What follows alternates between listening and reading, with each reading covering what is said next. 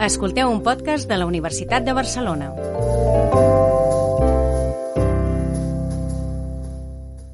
Des de fa alguns anys, el concepte de ciència oberta s'ha anat introduint a les universitats i ha transformat de manera radical la forma de fer recerca i, sobretot, de difondre els seus resultats. La ciència oberta ha trencat l'esquema tradicional de les grans editorials científiques, que feien públics els resultats de la recerca a canvi d'una contrapartida econòmica molt elevada, facilitant l'accés a aquests continguts a través de repositoris lliures. La Universitat de Barcelona, una de les institucions més intensives en recerca de la Unió Europea i membre de la Lliga d'Universitats Europees de Recerca, la LERU, ha impulsat una sèrie d'accions en aquest sentit. Ens ho explica Ignasi Labastida, cap de l'Oficina de Difusió del Coneixement de la Unitat de Recerca del CRAI. Possiblement l'actuació més important que ha fet la Universitat de Barcelona en l'àmbit de la ciència oberta ha estat constituir una comissió una comissió on hi participen investigadors, on hi participen vicerrectors de l'àrea de recerca, participen tècnics, i d'aquesta comissió ha sortit l'actualització de la política d'accés obert i la política de gestió de dades.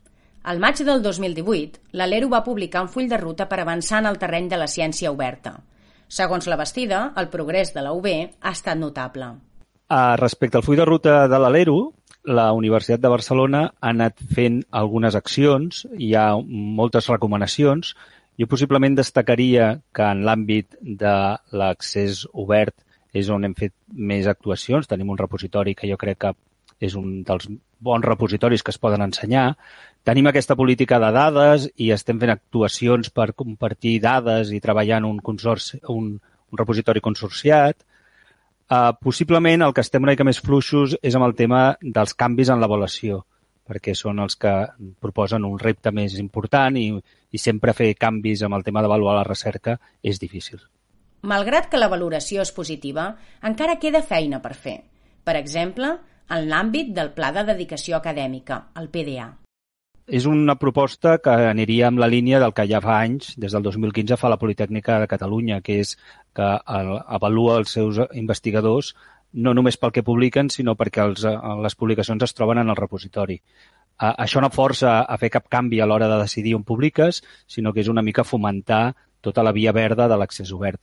De moment, el que sí que s'ha fet és introduir un indicador eh, respecte al percentatge de publicacions al repositori a l'hora d'avaluar els contractes programes amb les facultats.